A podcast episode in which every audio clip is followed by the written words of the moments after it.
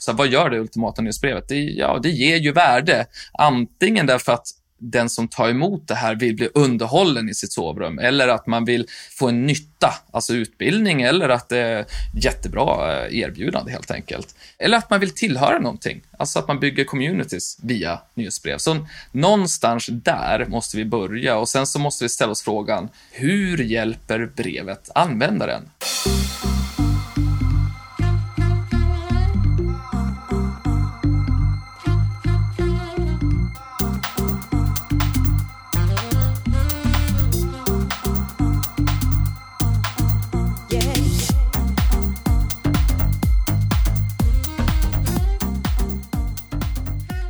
Välkommen tillbaka till Digital marknadsföring med Tony Hammarlund. Det här är en podd där jag intervjuar branschexperter och marknadsförare för att lära mig mer om digital marknadsföring. Mitt mål med podden är att bli en bättre marknadsförare och samtidigt dela med mig av intressanta samtal med några av Sveriges bästa marknadsförare. Nyhetsbrev har funnits hur länge som helst, men har de senaste åren fått ett rejält uppsving. Vi har bland annat sett att journalister startar egna nyhetsbrev, nya typer av mediebolag som fokuserar på mediet och verktyg som gör det ännu lättare. Men vad kan företag lära sig av detta för att skapa nyhetsbrev som levererar värde på riktigt och som fler vill läsa? För e-post ska vara en fantastisk kanal för att kommunicera med våra målgrupper, bygga relationer och äga mer av vår data. Jag bjöd därför in Niklas Hermansson till podden. Niklas är journalist, strateg, kreatör, omvärldsbevakare, föreläsare och personen bakom Nomofomo. Han har de senaste åren fördjupat sig ordentligt inom nyhetsbrev och hur man skapar riktigt bra sådana. Niklas driver bland annat nyhetsbrevet Nomofomo Insights där han omvärldsbevakar och skriver om intressanta nyheter som formar vår framtid. Han har tidigare bland annat gjort Aftonbladet till en digital förebild som TV-chef, skapat några av Skandinaviens största webb-tv-program på Hard Hat och utvecklat prisvinnande lokal-tv på Mittmedia. Sen har han även varit med och skapat framtidens kommersiella innehåll på Bonnier News Brand Studio. Niklas och jag pratar i avsnittet om hur man skapar det ultimata nyhetsbrevet som levererar värde på riktigt till läsarna. Han berättar bland annat om frågorna man ska ställa sig före man startar ett nyhetsbrev och vad det är som gör ett nyhetsbrev riktigt, riktigt bra. Han delar också sin analys av vad företag kan lära sig av nya mediebolag som Morning Brew och Milk Road. Du får dessutom höra om olika typer av nyhetsbrev och bra exempel, hur man kommer fram till ett bra koncept, varför tonalitet och textredigering är så viktigt, hur man skapar riktigt bra innehåll för nyhetsbrev, vanliga misstag och fallgropar som Niklas ser, tillväxt och hur man får fler prenumeranter och varför man ska ha ett guldkorn i slutet. Plus en massa mer om hur man lyckas med nyhetsbrev. Niklas berättar också varför han startade sitt, varför han älskar nyhetsbrev och vad han önskar att han hade haft koll på från början. Han delar självklart också mängder med bra tips för alla som vill dra igång ett nyhetsbrev. Så jag hoppas att du blir lika taggad som jag blev. Du hittar som vanligt länkar till allt vi nämner i poddenlägget på tonyhammarlund.io. Där har Niklas dessutom samlat ihop ett helt gäng med bra länkar till resurser och innehåll kring nyhetsbrev. Han har även lagt med ett antal exempel på bra nyhetsbrev att hämta inspiration ifrån och du hittar även en bild på Niklas alla frågor. Så du behöver inte anteckna. Och efter länkarna hittar du självklart även tidsstämplet i olika sektioner i intervjun. Och en annan sak, du prenumererar förhoppningsvis redan, men annars så vill jag tipsa om det nyhetsbrev som jag varannan vecka skickar till tusentals marknadsförare med de senaste nyheterna inom digital marknadsföring. Du kan i det läsa expertanalyser inom en rad olika områden och du får även tillgång till en community där du kan diskutera nyheterna och ställa frågor. Låter det intressant så kan du hitta mer information och prenumerera på min webbsida. Innan vi kör igång poddavsnittet så vill jag även passa på att presentera e-commerce recruit som är sponsor och jobbpartner till både podden och nyhetsbrevet. Om du lyssnar på den här podden och är intresserad av jobb inom e-handel och digital marknadsföring så borde du verkligen kolla in deras webbsida. De är experter på jobb inom de här områdena och har alltid spännande tjänster och uppdrag ute. Så gå bara in på e-commercerecruit.se och kolla in deras lediga tjänster. Kanske hittar du drömjobbet och nästa steg i karriären. Nu kör vi igång avsnittet och Niklas börjar med att ge sin syn på varför nyhetsbrevet har fått en renässans de senaste åren och vad ett nyhetsbrev är idag. Det var ju jätteroligt när de sociala medierna kom. Det var ju fantastiskt på sina sätt. Jag minns att jag själv då satt hemma med Aftonbladet journalister. Vi satt Istället för att liksom vara ute på krogen och dricka bärs så satt vi med datorerna i våra knän och så satt vi liksom och facebookade. och det är helt sant. Uh, och, och det, var, det var ju jätteläckert. Och sen så tog det några år, som med teknik, med ny teknik. Och då märker man att oh, det finns ju baksidor här också. Hoten och hatet och snuttifieringen av innehåll. Det bara liksom svischar förbi och så de här annonserna som liksom förföljer oss i absurdum. Och det där gjorde ju egentligen två saker som jag ser det. Det ena gjorde det att vi som privatpersoner började kommunicera allt mer privat, alltså Messenger eller Slack och Snap på sitt sätt också ju. Men också mejlen. Mejlen är ju på sätt och vis eh, ditt liksom privata detta antisocial eh, nätverk. Du har ju liksom satt upp det själv. Det är ju ditt fel ifall det är fel där inne. Medan ifall eh, sociala medier är ju allt mer som man går på krogen och sådär. Det är skrikigt och det är kul och du känner inte alla och plötsligt kommer det fram någon i flödet som inte eh, känner och någon annan har bestämt att man ska träffa den här personen. Så att, eh, jag tror att det var en, en stor anledning. Och det betyder ju liksom att, att den här konsumtionen av nyhetsbrevet, som jag ser är mer att man kommer till ett sovrum än att man är ute på krogen då. Och då är det ju liksom, eh, ja, det är lite mer på läsarens villkor och hemmaplan och så har man gjort det valet. Men Sen har vi också att medierna, det är ju där jag är uppvuxen och den, det perspektivet som jag kan. Och privatpersonerna var ju en anledning till varför nyhetsbrevet fått det, liksom, som du säger, en renässans då här. Men även medierna, för att medierna tyckte att sociala medier var jättekul, därför att här kan vi få in nya läsare och användare och så vidare. Men sen så valde Mark Zuckerberg att skriva, liksom, skruva lite grann i sin, i sin maskin och så plötsligt så fick inte medierna vara med och sen så nådde man inte ut och så märkte man att hej, enda sättet vi är ut nu, det är med nyhetsbreven. Det här är ju liksom grejen. Så det, tillsammans med privatpersonerna, tror jag, är den stora anledningen.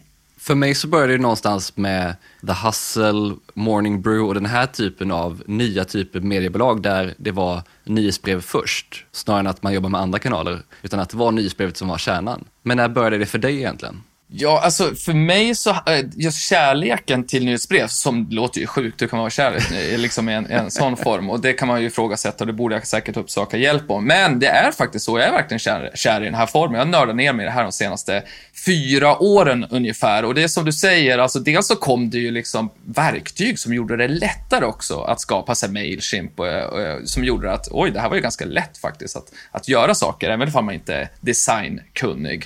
Men det där har ju faktiskt egentligen hållit på sedan i början på 2000-talet, alltså millenniumskiftet, för då kom det upp lite så nya mediebolag som var just inriktade på, rent på mail. Eh, Daily Candy var ju ett sånt eh, exempel, där man liksom skickade ut innehåll om livsstil, tips om staden, klubbar och så vidare till de som, hade, som var hippa och som hade tjocka plånböcker. Och sen så fick man massor med investerarmiljarder och sen så, och det, liksom just, ifall man tar Daily Candy så var en av de här första eh, föregångarna han sålde ju, alltså den här grundaren där då, han heter Danny Levy. Han sålde Daily Candy för en dryg miljard kronor. Och det här var redan 2008, men det som du pratar om och som jag pratar om, det är väl faktiskt för några år sedan när dels Substack kom och gjorde då, alltså en, en plattform som gjorde att etablerade journalister hoppade från anrika mediehus som New York Times, startade egna brev för att man kunde börja ta betalt för att det blev lättare att ta betalt med de här nya tjänsterna.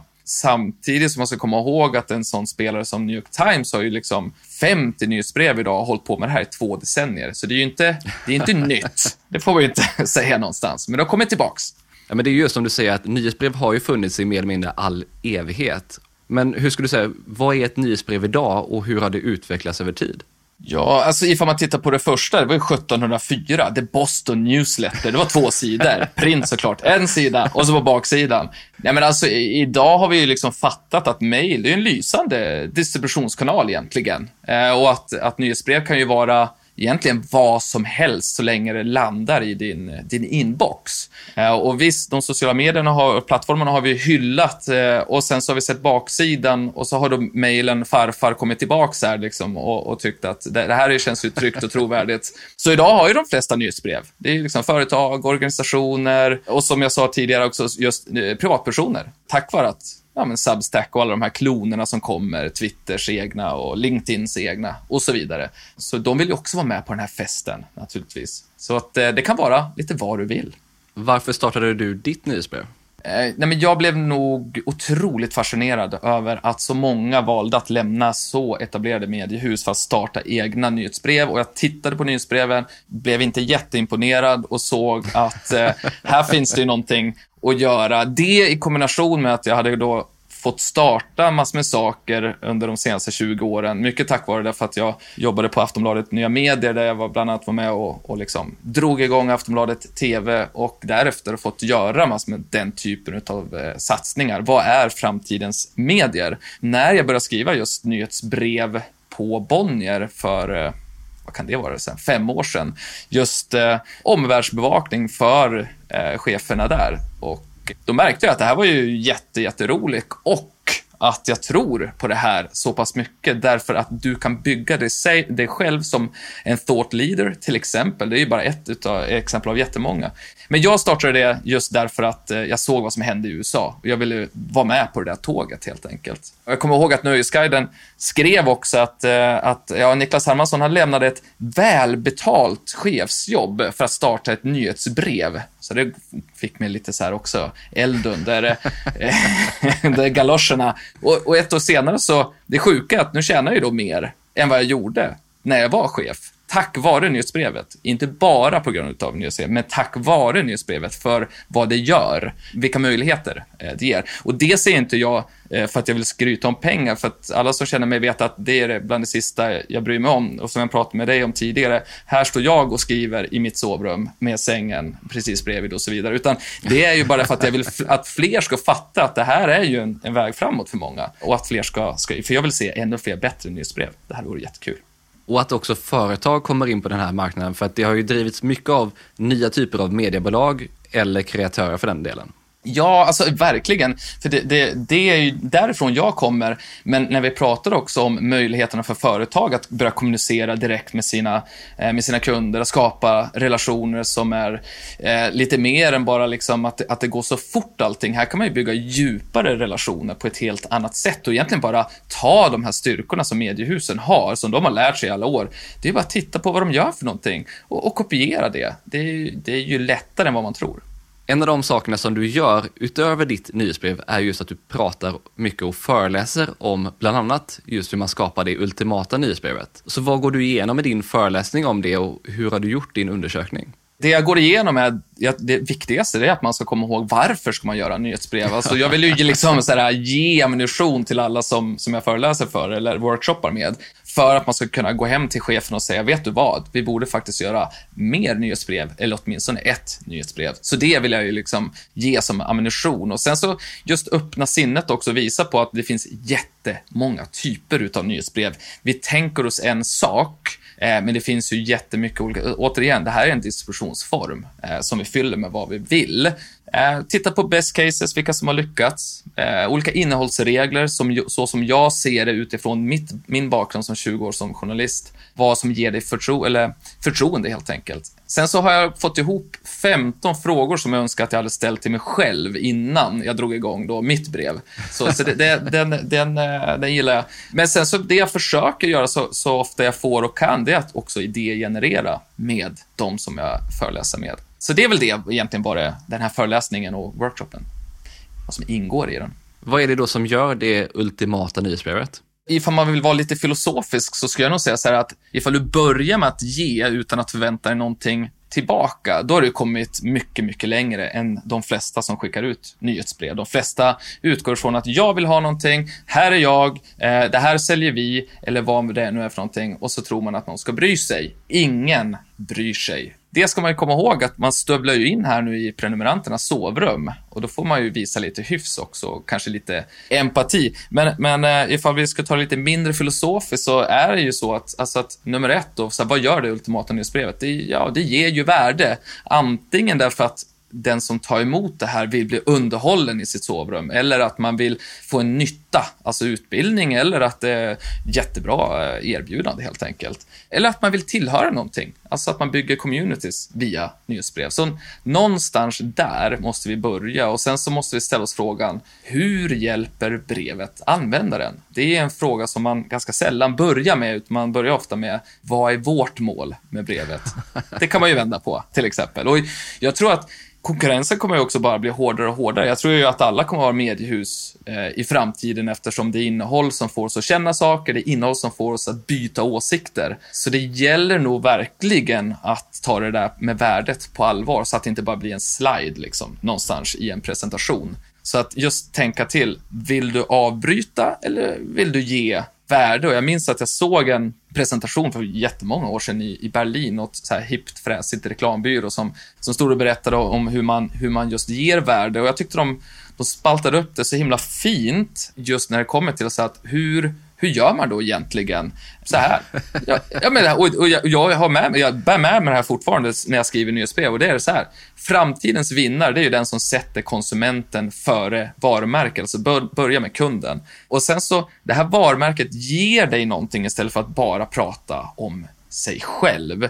Och det i sin tur leder ju till dialog istället för monolog. Och det slutligen leder till då förtroende istället för misstro, eller, eller en skeptisk eh, konsument, får man säga. Så att det, där någonstans skulle jag börjat åtminstone. Sen så skulle jag säga att det sista då, hur man gör ett ultimat nyhetsbrev, ja, det är ju det jag sa från början, alltså att producera det med, med kärlek. Jag minns ju när vi var unga, jag fick åka på språkresor och det finaste med det, det var alltså att jag sen fick skicka kärleksbrev till någon, någon tjej från Israel eller, Italien. Det, är liksom, det var ju det absolut bästa. Och nu får jag äntligen göra det igen, alltså skicka de här kärleksbreven. Alltså, och vad jag menar då, det är att det märks ifall ett brev är gjort med kärlek eller inte. Och det spelar ingen roll då ifall man jobbar på ett företag eller ifall du har din egen, ditt eget nyhetsbrev som du ser som en blogg. Det ska vara skönt att konsumera det här brevet. Tonaliteten, redigeringen, du är ju ute efter en andra dejt ju. Det är ju det du är ute efter, så då måste du lägga in det också, annars kommer någon annan att få den. Det här är ju lite mer filosofiska och lite större att leverera värde och så vidare. Har du något mer konkret av vad som faktiskt gör ett riktigt vasst nyhetsbrev? När jag utgår ifrån den typen av nyhetsbrev som jag själv producerar och hjälper andra att göra, så är ju det kurerade nyhetsbrev. Alltså jag kurerar mycket annat innehåll som än det som är mitt eget och på så sätt så ger jag ju då värde till användaren antingen genom ett mitt eget eller att jag gör det åt ett, eh, ett företag. Men det, det jag har märkt då utifrån det så finns det lite takeaways. En så här, okej, okay, hur många tecken har man i ämnesraden? Jo, men det visar sig att 38 tecken är för mig den ultimata längden när det kommer till öppningsgrad. Då öppnar flest ifall det är 38 tecken. Och det där har vi förstått att det är lite liknande i sociala medier. The longer the better. Alltså att det, ju längre desto bättre. Så. Men eh, den trovärdiga och tydliga ämnesrubriken som man aldrig någonsin ruckar på, den måste vara exakt det. Det är ju liksom det medierna bygger sina saker på. Det kan man också som företag såklart eh, anamma. Men däremot så finns ju den här lilla, vad ska vi kalla den för, nedryck säger jag då. Men alltså ämnesrubriken och så kommer det en liten grej efter där. Pre-header, eller vad brukar man säga att den heter?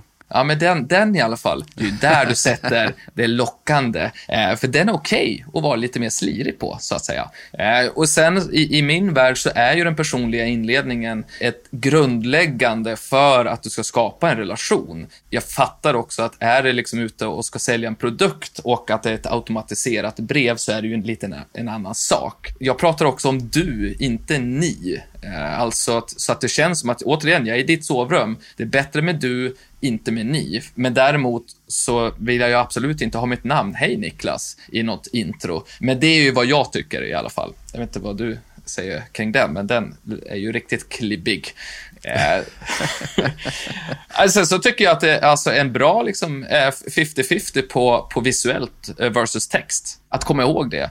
80-20 i värde versus reklam. Och vad jag menar med det är att okej, okay, ifall brevet är 100% så ska 80% vara just i värde och 20% då kan jag väl hålla på och sälja mina grejer då. Det där blir lite mer problematiskt ifall du bara säljer grejer i ditt brev naturligtvis. Men då kan du fundera på hur kan du faktiskt ge lite mer värde i så fall. Och sen så tycker jag väl att den här textredigeringen är ju en sån sak som jag tror må väldigt många, de flesta går bet på. Vad jag menar då, det är ju alltså hur man har stenkoll på hur, själva läsningen, läsbarheten av ett brev. Korta meningar, korta stycken, feta där, inte där. Så att man börjar liksom ha koll på den saken. Och så slutligen, alltid lägga någon liten godis i slutet kanske. Vad tror du om det? Alltså så, här, så att man liksom känner att man klarar av att läsa hela brevet. Så ska det finnas någonting där nere, kanske en överraskning, kanske något du berättar om i början. Men just den där liksom, att du har det i slutet, det har jag märkt att det ofta är, mina favoritbrev innehåller ofta det. Och det kan ju både vara företag, organisationsbrev eller liksom en kreatörsbrev. Ja, någonting för att visa att man faktiskt har läst och att man är den här personen som faktiskt har gjort hela uppgiften. Ja, men lite så också faktiskt. För vi vill ju känna oss som att man är duktig, man läser hela vägen. Men det kan också vara att den här sjuka videon ligger i slutet naturligtvis. Sådär. Eller att du får svaret på frågan i slutet kan det ju lika gärna vara också. Sen gillar jag också det här du säger om textredigeringen, för det ser jag ändå att många gör fel när man tittar på nyhetsbrev. För man sitter på sin desktopdator och skapar nyhetsbrevet och tänker aldrig på riktigt att dra ner utan man börjar med att skapa det för desktop och för att någon ska öppna det i Outlook på desktop eller Gmail på desktop. Inte att man faktiskt utgår från att det ska öppnas på en mobilenhet. Nej, men verkligen. Det tycker jag är nästan den finaste stunden. Jag skickar ut mitt eget brev en gång i veckan och just att korrläsa det innan det går ut på mobilen. Eh, det liksom har blivit en helig, helig stund. Så är det ju. När du föreläser, vad brukar vara de vanligaste frågorna du får? Niklas, vilket verktyg använder du? Niklas, hur lång ska ämnesraden vara? Och vilken dag och tid ska man skicka ut brevet på? Alla de viktigaste frågorna. Ja, alltså jag fattar att man går dit, eh, för att det är ju de som är närmast näsan. Men sanningen är ju den att det där spelar ju egentligen ingen roll om det är bra så är det bra. Det, jag har till och med börjat testa att sätta dåliga rubriker. Det gjorde jag på mitt senaste brev, för jag vill se. Blir det någon skillnad på öppningsgraden? Jag börjar skicka ibland på konstiga tider, mitt i natten och så. Eh, och det, mitt enda som jag har att säga om det där, det är väl egentligen att det är väl ingen lysande idé att skicka ett eh, nyhetsbrev på fredag kväll. Ifall det nu inte handlar om vad som händer imorgon i Berlin, inte vet jag. Men fredag kväll eh, är väl kanske inte toppen då. Men alltså i övrigt så får jag samma, samma öppningsgrad därför att jag bygger en relation med eh, prenumeranterna. Men det här med sändningstid och sändningsdag är väl också någonting som hänger ihop med att man ofta pratar e-post och medium på hela taget, inte just för nyhetsbrev. För om man ska skicka kampanjer så är det lite andra förutsättningar där man bara skickar ett one-off-meddelande kontra att man har byggt en relation som du är inne på, där publiken vet att det kommer ett nyhetsbrev varje tisdag. Sen om det kommer klockan sex eller klockan åtta, det spelar ingen roll. Nej, precis, det är sant. Och, och, och det där, det, i och med att mm, e-post, det är så brett ämne, så är man ute efter svaret på vilken dag och tid, så är det nog liksom Google ditt, ditt bästa, liksom, eh, din bästa källa. Det som jag skulle säga, det är väl absolut en regelbundenhet är en nyckel och det gör att någonstans så blir den mer relevanta frågan som jag önskar att jag hade fått oftare. Det är så här, hur ska man lyckas utan att bränna ut sig egentligen? Alltså, det är ganska tufft det här, alltså pressen på att skapa brev som kommer ut en viss tid. Nu går jag in, liksom in på, i kreatörsfråga som kommer bara bli större och större. Alltså, vi håller på att bränna ut oss själva. Du gör en podd, du gör ett nyhetsbrev. Det måste komma ut en viss tid, men du kanske får en sjuk eh, son eller en sjuk dotter och så vidare. Hur ska vi göra då? Det är en stor fråga som, som är lite mer relevant än vilken dag och tid ska vi skicka ut det här brevet. Men mitt eget svar på den frågan, det är väl någonstans att skapa ett format som man kan leva upp till och leverera varje vecka. Så det någonstans är det första när, när jag försöker då idégenerera kring nya nyhetsbrev. Idéerna är så storslagna, men sen så kommer realiteten och jag förstår att nästan alltid att det här kommer aldrig bli av. Så att eh, tänk konstigt, absolut sådär och stort, men, men sen så måste vi ta ner det och koka ner det till det minsta, för först då klarar vi av det här och orkar. Du var inne lite tidigare också där på olika typer av nyhetsbrev. För det finns ju väldigt många olika om man tittar på marknaden och vad olika typer av mediebolag och olika kreatörer gör. Så vad skulle du säga, vad finns det för olika typer enligt dig? Ja, alltså, verkligen. Och nu har jag ju som sagt hållit på med det här i, i tre, fyra år och jag kan nog inte alla, men det som jag ser, det jag kommer ifrån är ju det, det redaktionella, alltså antingen från en publicist eller kanske en enskild journalist. Sen har vi kommersiella brev ifrån företag. Det kan ju vara allt möjligt, men produktnyheter. Eller medlemsbrev från organisationer, till exempel. Det är liksom bästa sättet att nå ut med sin kommunikation. Eller så kan det vara privatpersoner som bara använder det som en, som en blogg också. Därför vi har slutat använda, använda bloggen. Men jag funderar mycket på så här, vad kan vara framtidens liksom, nyhetsbrev och så. En, en, någonting som jag försöker övertyga en rad personer, det är ju att jag tror att vi kommer att få se mer nyhetsbrev från VDR, framgångsrika VDR, som vill liksom positionera sig själv som thought leaders. Idrottsmän, både under eller efter sin karriär, alltså hur fortsätter man berätta och liksom bygger sitt, sitt varumärke, så tror jag att, att nyhetsbrevet kommer att bli liksom allt viktigare. Och sen så bara så här, kulturpersonligheter. Ja, de är jättebra på sociala medier och så vidare, men vi vet ju hur det kan, vad som kan hända med dem. Helt plötsligt så blir en, en plattform irrelevant. Vi vet också vad som händer på de sociala plattformarna, vilken miljö det är och alla de här fördelarna fördelar med att ha ett nyhetsbrev. Så jag tror att vi kommer att få se mer, alltså det här med att, att journalister börjar göra nyhetsbrev, ja absolut, men vänta bara till vdarna och idrottsmännen och liksom de stora stjärnorna kommer att börja med det här. Det kommer jag att försöka ta rygg på i alla fall. Ja, men det är intressant att du tar upp det, för jag har tänkt på det en hel del, just det här du sa om vd eller andra typer av experter på företag. Att det är väldigt mycket snack om att nå ut i sociala medier, att de ska bli ambassadörer och spokespersons i sociala medier för företaget och att bygga sitt personliga varumärke. Men det är extremt utmanande att göra det i sociala medier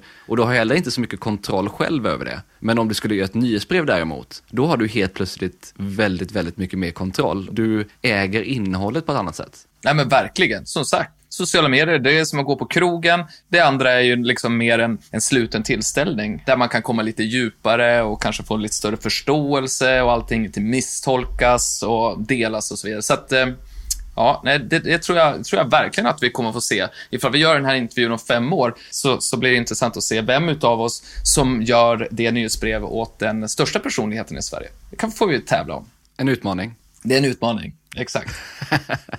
Ja, men sen, sen, så finns det ju liksom också, eh, så här, ja, nu drog jag ett, en rad olika typer av nyhetsbrev, men man kan ju också vända på, eller inte vända på det, men skära det på en annan led så att säga. Man kan också säga att okej, okay, sen så finns det ju också olika typer av nyhetsbrev i form av kurerade tipsbrev som då Svenska Dagbladets techbrief eller datadrivna automatiserade nyhetsbrev som jag älskar ett eh, ifrån ett, eh, någon sorts mediestartup som heter The Pudding, alltså pudding på engelska då.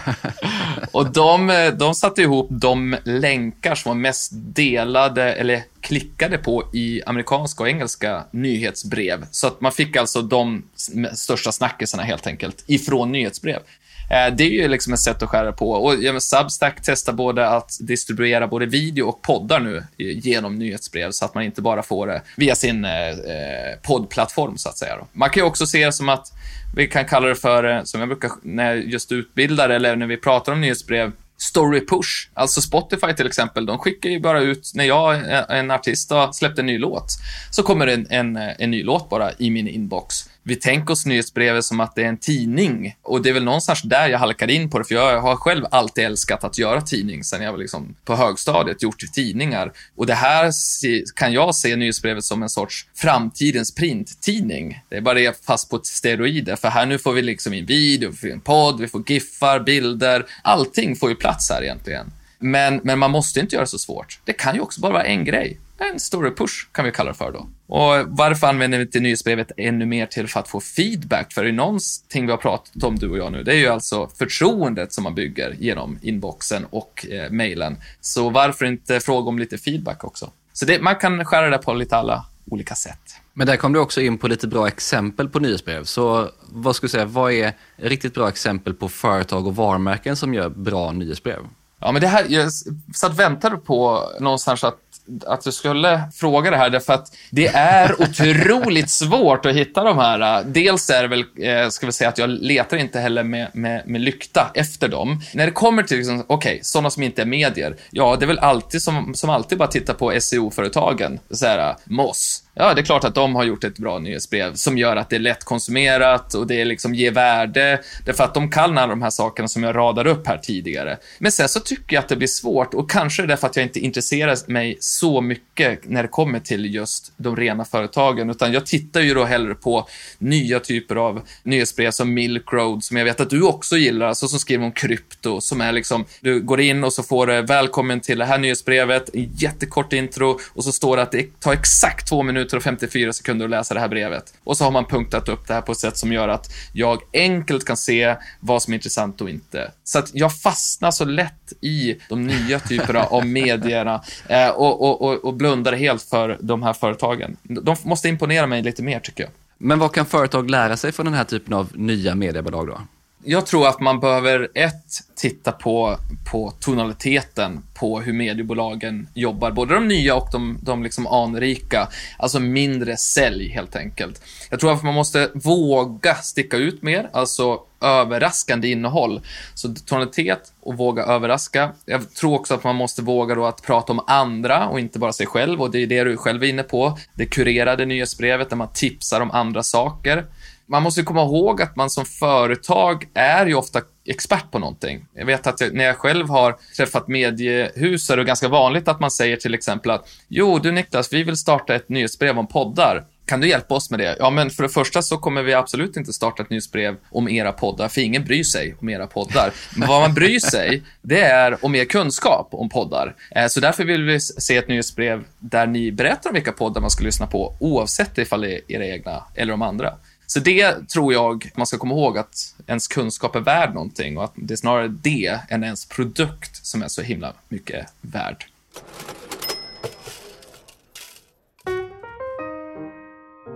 Innan jag och Niklas fortsätter prata om nyhetsbrev så ska vi ta en liten kort paus och jag har med mig Jonathan Olsson från Master One som är veckans sponsor. Välkommen till podden Jonathan. Tack, vad roligt att vara här. Ja, men det är jättekul att ni är här och kul att ni är med som sponsor. Hur brukar du beskriva vad programmatisk annonsering är? Enkelt uttryckt är programmatisk annonsering ett sätt att automatiskt köpa och optimera digitala kampanjer, snarare än att köpa annonsvisningar direkt från olika webbplatser. På så vis ersätter man förhandlingar mellan människor med maskininlärning och AI-optimering. Annonsköpen sker istället genom aktioner i realtid, vilket innebär att de köps samtidigt som en besökare går in på en hemsida. Det gör att man i högre utsträckning visar rätt annons för just rätt person. Vad skulle du då säga är fördelarna mot traditionell displayannonsering? Traditionell display innebär att du som annonsör går direkt till en publicist eller hemsida, till exempel aftonbladet.se, och köper en annonsplats till ett överenskommet pris. Så det är egentligen en förhandling mellan människor. Med programmatiska köp å andra sidan ersätter man den förhandlingen med realtidsbudgivning och maskininlärning. På så vis kan man buda högre på människor som är mer relevanta och lägre på de som inte är lika relevanta. Vi vet ju dessutom att folk har olika online-beteenden och med programmatiska köp kan man nå just de personerna på fler annonsplatser. Och vad skiljer då er från andra plattformar för programmatisk annonsering? Jag brukar säga så här, visst jag är marknadschef på Master One, men vi är alla digitala marknadsförare i teamet. Din podd är för övrigt en favorit hos oss. Vår plattform är med andra ord betydligt mycket enklare. Man sätter enkelt igång annonskampanjer och får insikter presenterat på ett sätt som man faktiskt kan ta med sig. Man ska inte behöva vara expert på programmatic tycker vi, för att man ska dra nytta av det. En AI optimerar helt enkelt det som annars ett helt team skulle göra. Och sen har vi såklart extremt kompetenta personer i vårt supportteam som hjälper en längs vägen. Men vi försöker egentligen ha det så enkelt som det borde vara. Det tycker jag låter fantastiskt och stort tack för att du hoppade in här i podden Jonathan och svarade på lite frågor. Ja, men jätteroligt att få vara med och keep up the good work. Nu hoppar jag in och pratar nyhetsbrev med Niklas igen.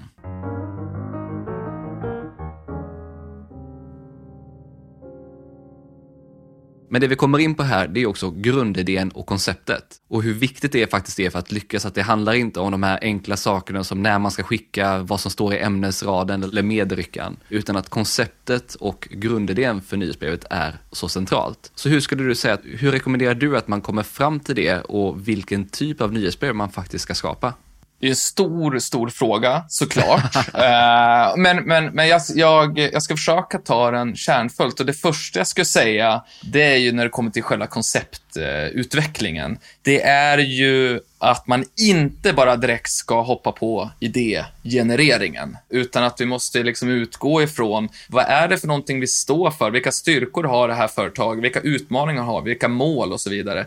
Så min form för när jag tar fram just, hjälper till med den här typen av alltså koncept och vilken typ av nyhetsbrev ett företag ska ha, så så då har jag utvecklat ett frågebatteri som kunden får svara på. Det är tio frågor, vilka de är och vilka de vill vara. Alltså, styrkor, utmaningar, mål. Det här kan man ju göra själv. Alltså, så, koda av mitt, vad jag säger nu egentligen bara. Och så utifrån det, då kan man sätta relevanta frågeställningar som man använder när man idégenererar. Och det ger ju då relevanta koncept. Så att vi utgår från vilka mål, styrkor och så vidare man har. Och sen så idégenererar man kring det. Men framförallt så har jag listat ner efter att ha träffat då massor med folk som tycker att det här är mer, mer eller mindre roligt. Så just tio frågor, en checklista som man ska utgå ifrån när man antingen ska starta ett nytt nyhetsbrev eller ut, vidareutveckla ett eh, alltså, befintliga nyhetsbrev. Vet, det är ganska många då. Du får göra som du vill här nu, ifall jag berättar dem eller inte.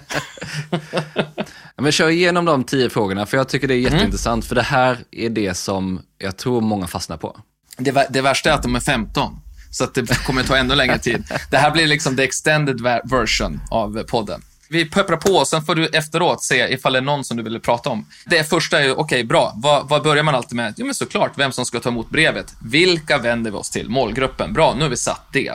Då måste vi komma på, vilket problem ska det här brevet lösa för prenumeranterna? Och du såg ju nu att jag, nu blev det ju konstigt direkt då, eftersom jag började prata om användarna istället för oss själva först då. Men, men där måste vi börja. Och vad är det då de behöver? Då brukar man säga att det finns tre olika saker man är ute efter. Det är antingen att få nytta eller utbildning då. Eller så är det underhållning eller tillhörighet. Någon av de här tre. Ja, nu har vi kommit en bit och så nästa då, det är ju då att sätta egentligen ett löfte. Alltså vad är det det här brevet ger för någonting? Och det svåraste av allt är då att aldrig svika det där äh, löftet naturligtvis. Nu kan vi ju börja fundera på oss själva. Alltså, vad är vårt primära mål med det här brevet? Då är det viktigt att den, den här stackaren som ska göra ditt nyhetsbrev också har koll på det där målet. Det är ju lätt hänt att det försvinner någonstans på vägen, så att säga. Jag tycker också att det här med tonaliteten, det är faktiskt vad de flesta lyfter fram när man säger ett lyckat nyhetsbrev eller inte. Det är ju mycket så med till exempel Morning Brew eller The Hustle som du har nämnt tidigare här, att det är tonaliteten som man pekar på, att man gillar det. Så hur skulle du beskriva ert brev med ett ord? är ju då någonting som jag alltid eh, frågar. Och hur skiljer sig då ert brev mot konkurrenternas? Det blir ju nästa. Och det här som du och jag har hållit på att fundera på, och jag vet att, och som jag tycker, eh, jag eh, tycker att du är så duktig på, hur tar man ut materialet i sociala medier? Det är ofta någonting som, som ramlar bort. Och så glömmer man bort att den här stora idén, den är ju, man har ju aldrig resurser för dem, så de måste man ju också ha koll på, budget och resurser här. så, och slutligen så vill jag ju prata om, vem ansvarar för den här dataanalysen? Vi pratar alltid om data, data, data, så vad är den värd ifall vi liksom inte faktiskt agerar på den? Så vi kan ju inte bara ha att det är någon som ska ha koll på datan. Vi måste också ha en plan för hur man vidareutvecklar brevet utifrån datan. För mig till exempel så jag skickar en gång i veckan, men då, jag kan inte hålla på med det här varenda vecka. Jag är själv liksom, så jag har upp. Men en gång i månaden så tittar jag faktiskt på siffrorna och säger så här, ja men okej, utifrån de siffrorna, det betyder att jag ska göra två förändringar. Jag ska börja med det här och jag ska sluta med det här. Det, det är ju väldigt förenkling av, av det här. Men jag har märkt att det är väldigt få som ens gör det. Så att eh, där kan man väl börja åtminstone. Men vad är det du mäter då? Men då kikar jag på körnen såklart. Alltså hur går det egentligen med prenumeranter in och prenumeranter ut? Man ska ju göra bedrövligt jobb ifall man körnar fel, så att säga. Det tycker jag är väldigt kul för övrigt. Jag brukar kika på vilka som... Eh, det är alltid efter varenda brev som kommer, så är det ju då ett antal som hoppar av brevet, för då har jag skrivit någonting som man inte kanske tycker eh, lika som. Då kan jag kolla upp den här personen i sociala medier och se att ja, det var ju därför. För den här personen står ju för de här sakerna. Det är ju när jag har tid, så att säga. Hur gör du där förresten? Hur, är det folk som hoppar av ditt nyhetsbrev?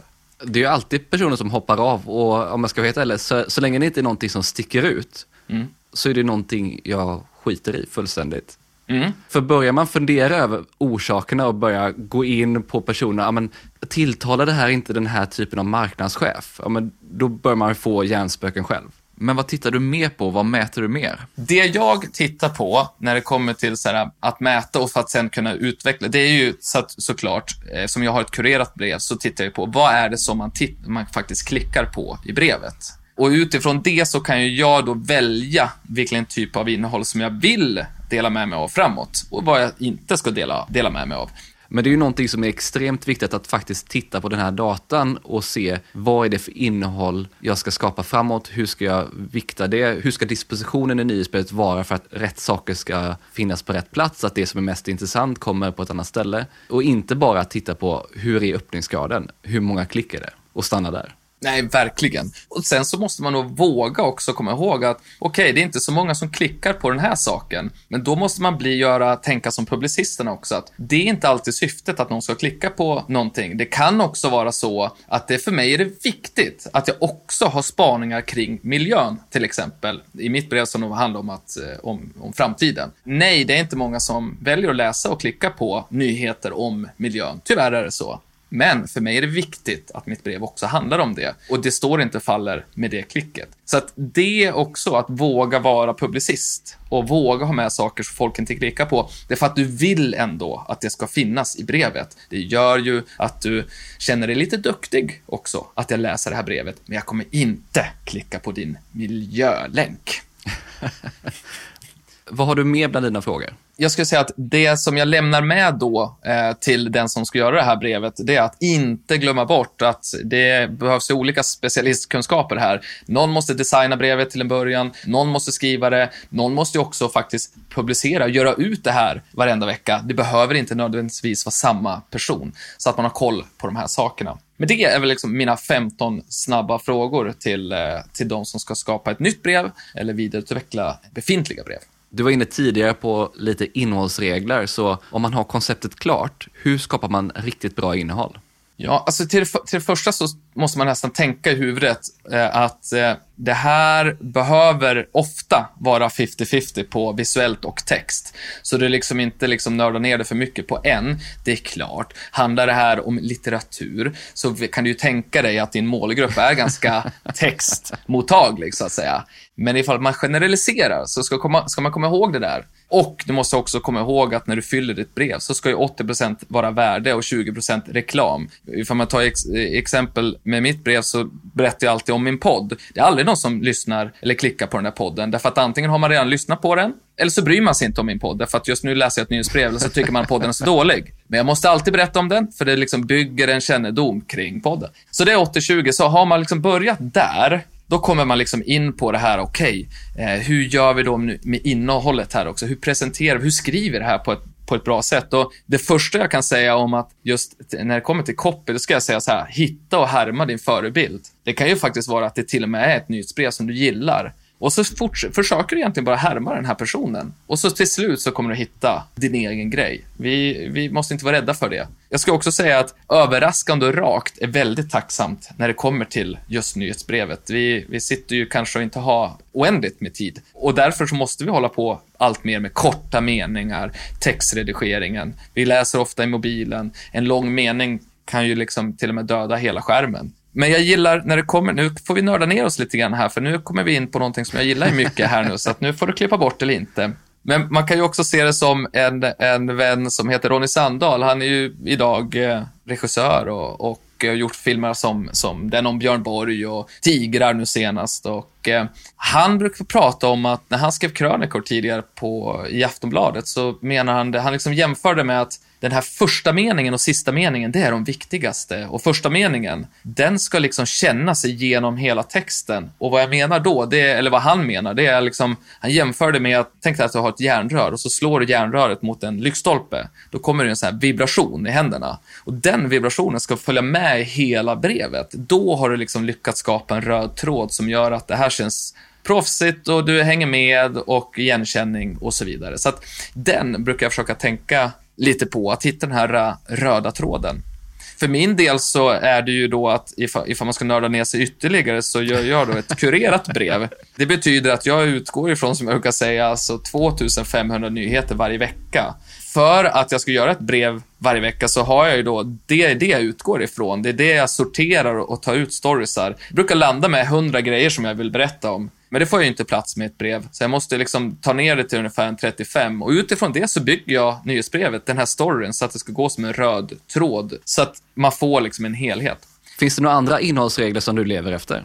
Ja, alltså en, en sak som jag tycker är jätteviktigt är att jag försöker att alltid titta där inte någon annan tittar. Så är det så att alla tittar på någonting, då försöker jag att inte titta där. Det kan ju vara allt ifrån att använda konstiga söktjänster till att liksom strunta i rekommendationer från big tech och så vidare. För att just nu så är det ju så att vi alla använder samma appar, vi använder alla nyhets, liksom nyhetskällor.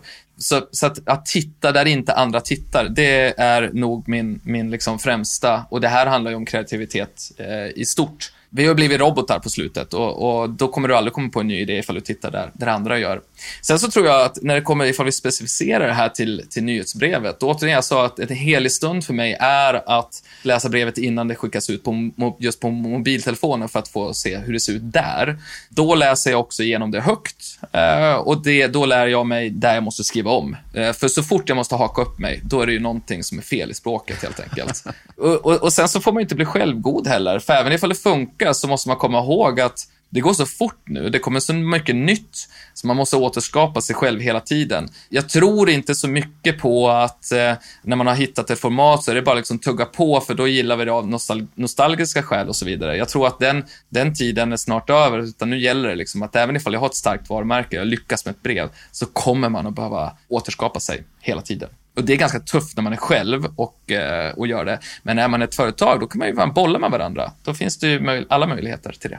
Ja, men det är jätteintressant att du tar upp det, för just det här att förnya sig, att se hur kan jag utveckla det och hur måste jag utveckla det? Kan det vara samma? Blir det tråkigt om det kommer på samma sätt hela tiden? Jag brukar ju se det som att man har säsonger. För det blir ganska lagom om man ser året över just två säsonger. Att man ser över hur man kan utveckla ett koncept därefter. Inte att man håller på och testar hela tiden med innehållet, men att man gör lite justeringar, uppdateringar, förbättringar på säsongsbasis. För annars blir det väldigt, väldigt mycket jobb med att hela tiden tänka nytt och vad man ska göra annorlunda hela tiden. Det, det, där har hon en jättestor poäng. Och du ska också, eh, på, på sätt och vis också, ifall jag får motsäga mig själv lite grann, så är det ju så också att, eh, men det är också en svunnen tid. Men jag minns när Sportbladets, eh, Sportbladet blev rosa, då dröjde det nästan ett år, visade undersökningar, att, att läsarna uppfattade att den hade blivit rosa. Det var inte rosa från början, det liksom kopierades från, eh, från en italiensk sporttidning. Så att det kan också vara så, men återigen, en annan tid, en helt annat informationshav nu än det var eh, på den tiden.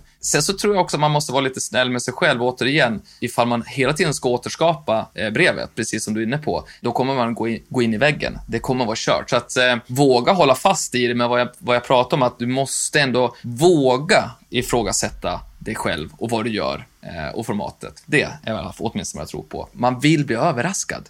Ett misstag som jag ser jättemånga som driver nyhetsbrev, både som företag eller kreatörer som driver nyhetsbrev, det är ju just hur man presenterar sitt nyhetsbrev. Det är ofta bara att man ska få uppdateringar eller de senaste nyheterna eller någonting liknande. Man presenterar det väldigt sällan på ett sätt som får en att verkligen, nu måste jag signa upp. Så hur skulle du säga att man gör för att presentera sitt nyhetsbrev på ett bra sätt och faktiskt förmedla det värdet som det ger också?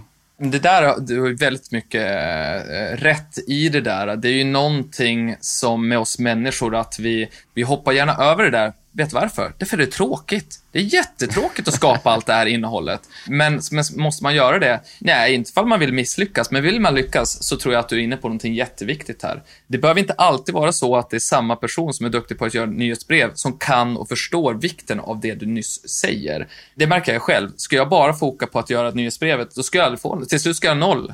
Till slut skulle till och med min mamma och pappa avprenumerera prenumerera brevet. Så är det ju liksom. Så det är ju A och O att kunna och orka lägga ner tid på det här andra. Och hur hittar man då liksom de här olika synergierna?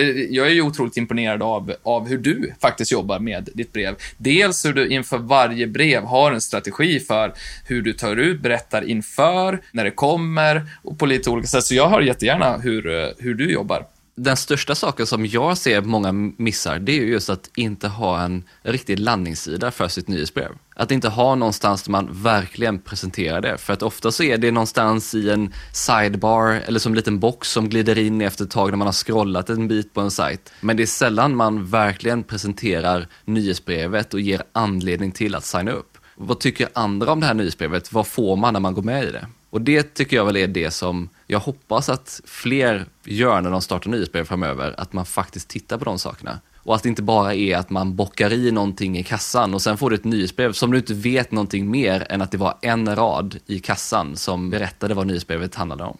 Ja, men verkligen. Och, och jag tror, eh, där man kan börja, det, det jag ändå försöker att hjälpa till med, det är ju att man sätter en, man kan kalla det för logline. Du kan väl kalla det för vad du vill, men egentligen så handlar det om ett lufte till den som ska prenumerera. Vad är det för någonting du får? Vässa det så pass mycket så att det fortfarande är sant, men att det är precis på gränsen så att du klarar av att leverera det här, såklart. Men det, så fort du har det, det är då de kan liksom eh, bygga på och göra den här landningssidan. Se till så att det är en av de stora kategorierna på din sajt. Se till så att du får det här välkomstbrevet så att det är optimerat. Det är ju någonting som jag tror att vi många, jag inkluderat, inte har, har liksom lagt tillräckligt med tid på. Jag blev väldigt avundsjuk när jag kollade på vi nämnde Milk Road tidigare, alltså det här kryptobrevet. Deras eh, välkomstbrev som dels innehåller personliga frågor till prenumeranten som gör att man blir sugen på att svara faktiskt på de här. Eh, vad som händer då? Då bygger man ju en relation mellan nyhetsbrevskribenten och jag då som prenumerant. Och det andra är att de har till och med gjort en GIF som visar så här flyttar du ditt brev ifrån den här liksom reklamkategorin till din liksom main feed i, beroende på vilket då mailprogram du har. Så att eh, smart välkomstbrev ska man liksom inte underskatta, tror jag heller. Nej, men det är rätt. Ett riktigt bra välkomstbrev är både viktigt för att starta relationen, starta onboardingen, men som du är inne på så har det ju en rent taktisk fördel genom att få alla som använder Gmail till exempel att faktiskt flytta över mejlet från kampanjer eller andra uppdateringar till huvudinboxen. Väldigt många som missar det där välkomstbrevet, det ska man säga. Jag producerar alltså rätt man startar ju någonstans på minus om man nu har väldigt många som använder den typen av e-postklienter. Om man går tillbaka till sig själv så är det ju inte alltid att man tittar i kampanjfliken varje dag direkt. Nej, verkligen så. Du pratade också det här med att bygga relation med prenumeranterna på ett bra sätt och hur Milkrock gör det. Vad skulle du säga, vad är viktigt att tänka på för att faktiskt göra det och varför ska man göra det?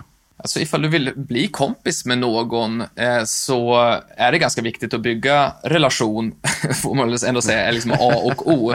Vill du att de ska komma tillbaka eh, till din fest så, så kan det vara läge att göra just det. Och det finns ju olika sätt att göra det såklart. Jag har testat med att så här, be om mejlsvar. Det är faktiskt inget svårare än att klicka på den här reply-knappen där uppe så kan du faktiskt få komma tillbaka och, och ställa frågor till den som faktiskt skrivit det här brevet. Så det försöker jag med, men jag märker att folk inte är vana att göra det. Det är inte så många som gör det, eh, fast trots att man försöker med det. Jag försöker att återkoppla till tidigare brev, alltså så att det sitter ihop försöker att aldrig någonsin att skriva någon på näsan eller skjuta över, utan försöka ha stenkoll på målgruppen så att vi verkligen liksom talar samma språk. På så sätt så bygger man ju eh, också relation. Jag kallar min värld för eh, NomoFomo World och jag ber om donationer och det är ju inte därför att jag tror att jag ska bli jätterik på brevet, utan det är ju därför att ifall någon faktiskt har betalat för, eh, för brevet så är, har man en tendens att faktiskt komma tillbaka, för då betyder det någonting mer. Ja, till och med att man kan bli en founding member. Det är ju inte kanske direkt eh, en, en, lösning för just företag. Men det är ju någonting som, som faktiskt gör att man, man fortsätter att läsa.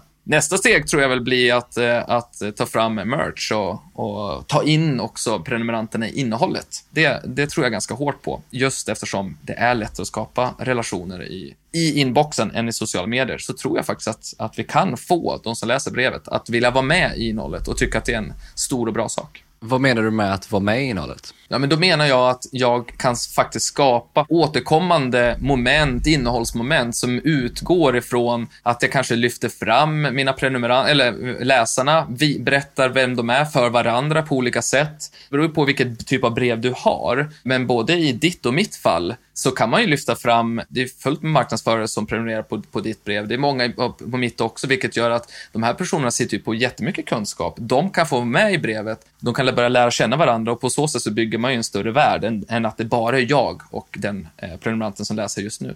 Nu pratar vi onboarding och bygga relation med prenumeranter. Men hur ser man till att få fler prenumeranter och få igång tillväxten på ett nyhetsbrev? Jag tror att, kanske konstigt tips, men jag tror att ett bra sätt det är att börja med att ta bort folk. Alltså att ta bort prenumeranter. Det är väl någon, jag tror Jan Gradvall någon gång sa att, så här, att för att få liksom, eh, rabatten och rosorna att växa så måste man ta bort de som är liksom gamla och döda och, och så vidare. Och det, på riktigt så är det så att jag går, jag går, en gång per månad så går jag och tittar på vilka som då inte har läst eh, de senaste tre månaderna brevet och så kontaktar jag dem med ett liksom, generellt brev och frågar ifall de vill vara kvar eller inte helt enkelt. På så sätt så kan jag också hålla uppe öppningsgraden på ett sätt som gör att mitt brev blir mer attraktivt att synas i, därför att det visar sig då att ja, här vill man ju, det här brevet öppnas av många. Problemet är ju bara då att nå ut och hur får man då nya, förutom att man kan skryta om en hög eh, öppningsgrad. För mig handlar det om att synas i andra medier och att föreläsa. Det är ju så som jag når ut. Men det är ju långt ifrån alla som har en sån affärsmodell såklart. Så jag har ju funderat på också, hur är mitt nyhetsbrev på TikTok? Hur är det på Instagram? Hur är det på LinkedIn egentligen? Och jag är inte specialist på de olika plattformarna, så jag har egentligen tänkt att gå ut med en brief. Så jättegärna ifall det är någon som lyssnar på det här. Hur skulle man göra just mitt nyhetsbrev där? Och så får väl de då göra det, den som kommer på den bästa idén. Men det här är också hur man tar ut det innehållet som du har i ditt nyhetsbrev och hur du gör andra saker i andra kanaler, både digitalt men också offline när du pratar om föreläsningar. Men hur gör man för att konceptet i sig ska vara, kanske inte viralt, men att det ska ha en inbyggd tillväxt, att det ska finnas intresse och en funktion med att faktiskt sprida nyhetsbrevet? Det där är ju jätteintressant, för att ifall du har svaret så vill jag veta det genast. Trots att, ifall man har hög öppningsgrad, trots att man är väldigt personlig, så är min uppfattning att det ska gå ganska långt innan man, man, man sprider ett nyhetsbrev på det sättet. Det som har funkat är ju sådana här, eh, vad kallas det för, referral programs. Alltså till exempel har ju Morning Brew jobbat hårt med det. De har väl tio olika produkter som man kan få beroende på hur många som man lyckas signa upp nya prenumeranter som du kan ge till det här då mediebolaget som skriver om ekonomi på ett roligt sätt. Och det är väl det de har pekat på som har lyckats bra för dem. Men det är ju inte alla som har det såklart. Och frågan är hur många som skulle bry sig om en nyckelring från eh, Niklas eller Tonys eh, nyhetsbrev. Ja, men det är väl frågan, vi får testa det framöver. Ja, jag tror det. Innan vi avslutar skulle jag också vilja kolla lite vad du har för generella tips för marknadsförare och varumärken för den delen också, som vill dra igång nyhetsbrev. Jag, jag, tror att många går i fällan att man tror att nej, vi ska bara komma ut en gång i månaden och då ska vi ge ut Bibeln. Det är ganska vanligt som jag får. Så det, mitt första är så här, tänk kortare och tänk högre frekvens. Då blir man lätt så här, oh, men, nej, men då kommer vi liksom göra folk ledsna och så vidare. Jag har snarare uppfattningen att ifall du kommer oftare så, så, så kommer man ihåg dig och så har det varit åtminstone för mig att när jag hade högre frekvens i breven och kom oftare så hade jag faktiskt ännu högre öppningsgrad. Sen så tror jag faktiskt att man måste våga se sig som mediehus, alltså att utgå ifrån kundens behov då snarare än ditt eget behov. Våga prata med andra än sig själv. Och så tror jag att man ska våga kopiera de bästa breven och så då utveckla det till sin egen grej. Det är ganska få som gör det. Man tror alltid att vi börjar från scratch. Nej, vet du vad? Det är jättemånga som har gjort det här tidigare. Kolla på dem, gör det svenskt. Let's go! Men sen så tror jag väl, det sista är ju någonting som jag tror att man både ska använda för att bygga företagskultur, bygga en företagsstrategi, men det funkar också utmärkt när man ska göra ett nytt nyhetsbrev och det är ju modellen de fyra C'na, the four Cs. Det är någonting som futurister och filosofer använder för att just prata om vilka som är framtidens superkrafter. Och det där funkar lysande när det kommer också till nyhetsbrev. The four Cs är då kritiskt tänkande, och det handlar ju om att förstå helheten. Det går så fort nu. Det gäller att ifrågasätta, men det gäller också att ta ett steg tillbaka för att förstå vad det är som händer. Och det, där kan man ju som nyhetsbrev till exempel hjälpa till att kurera andras innehåll då. Så där kommer du utgå ifrån det kritiska tänkandet. Du kan ju också då, nästa blir då collaboration, eh, samarbete. Och säkraste sättet att få in nya prenumeranter är väl kanske att shouta andra i nyhetsbrev. Det pratade vi inte om. Men du och jag har väl inte hållit på och shoutat varandra. Men det är vad man gör borta i USA åtminstone. Därför att det var ju det man gjorde i sociala medier till att börja med. Och sen så är ju då communication. Det är ju den tredje C. Och det handlar ju om att dialog framför monolog skulle man ju kunna se det på när det kommer till just nyhetsbrev. Och så slutligen är det då creativity, kreativitet. Så tänk konstigt och så ska man aldrig sluta vidareutveckla brevet. Ja, men det här är fantastiskt bra tips och det är bra med en sån här typ av tankemodell för vad man faktiskt kan tänka på när man skapar sitt nyhetsbrev. Vi har pratat om Morning Brew ett antal gånger nu och jag vet att du har tittat lite närmare på dem. Så vad är nycklarna till att de har lyckats så väl?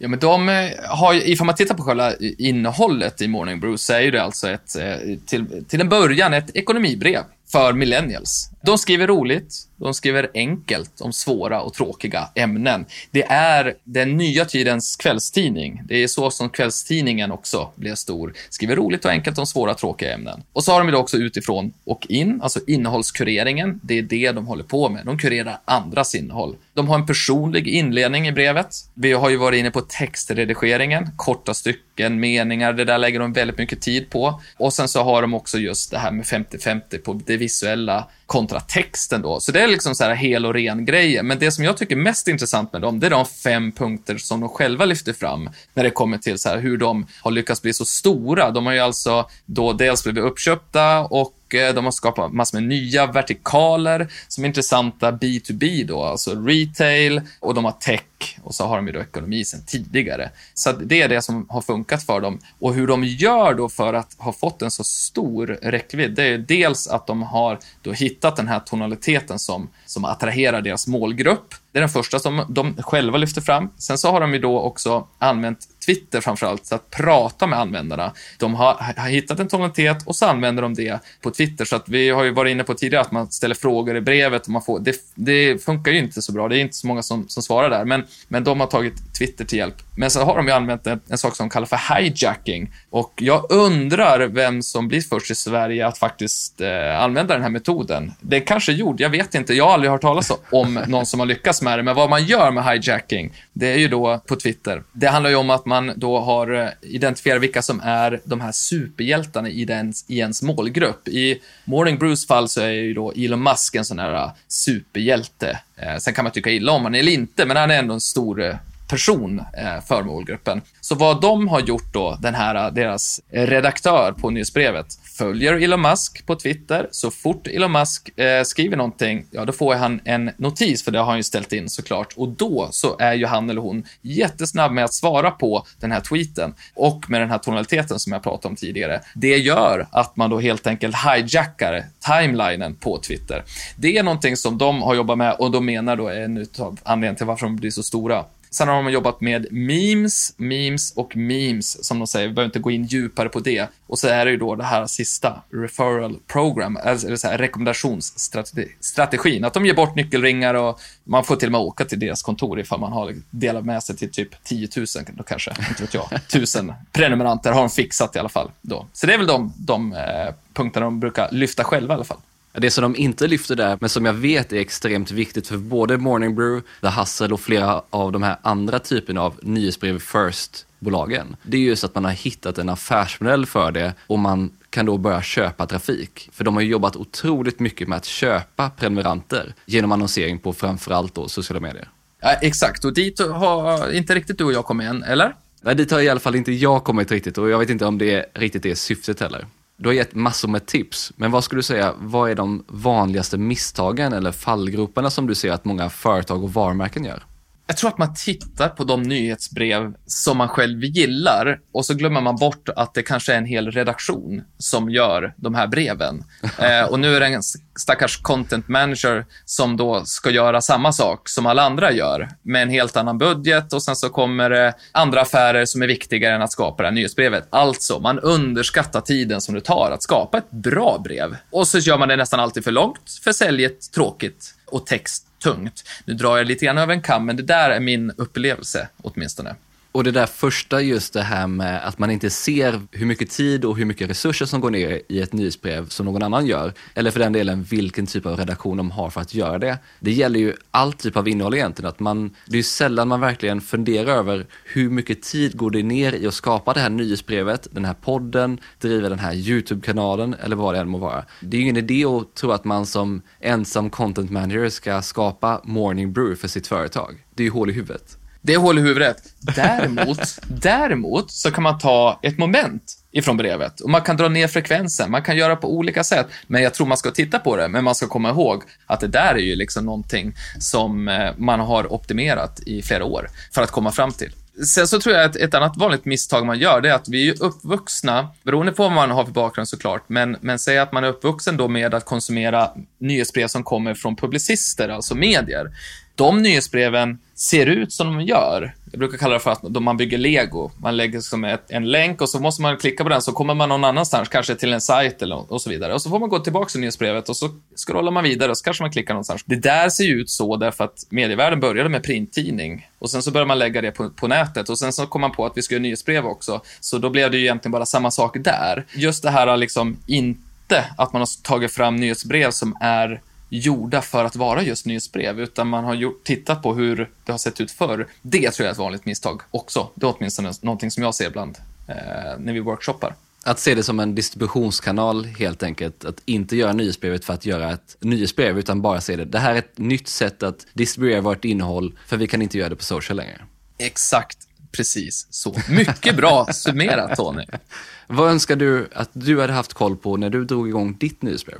Ja, det är ju det första som jag predikar och säger att alla måste göra. Alltså börja med frågan, vilket problem ska brevet lösa för dina prenumeranter? Det var den första. Och den andra, det är att man faktiskt inte får några nya prenumeranter om man bara skriver och publicerar nyhetsbrevet så som att det kommer till inboxen. Det händer nästan ingenting då. Som jag sa tidigare, det är snarare så att det till, slut, till slut kommer du inte ha någon. Utan ha en tydligare plan för hur man faktiskt tar ut brevet utanför inboxen. Som jag vet att du experimenterar eh, mycket med, till exempel. Det är de två sakerna. Stort tack för idag Niklas. Tack själv Tony. Det där var Niklas Hermansson, grundare av Nomoforma. Passa nu på att gå in och prenumerera på Nomoforma Insights för att kolla in hur Niklas gör sitt nyhetsbrev. Och glöm inte att signa upp för mitt också om du inte redan har gjort det. Om du gillar det här avsnittet så hade jag verkligen uppskattat om du tipsar någon du tror kan tycka om det och podden. Och glöm inte av att prenumerera i din poddapp. Dela också gärna dina tankar i en kommentar, ett inlägg eller ett DM. Du hittar som vanligt länkar till alla resurser och verktyg vi nämnde i poddenlägget på tonyhammarlund.io. Där har Niklas dessutom samlat ihop ett helt gäng med bra länkar till resurser och innehåll kring nyhetsbrev.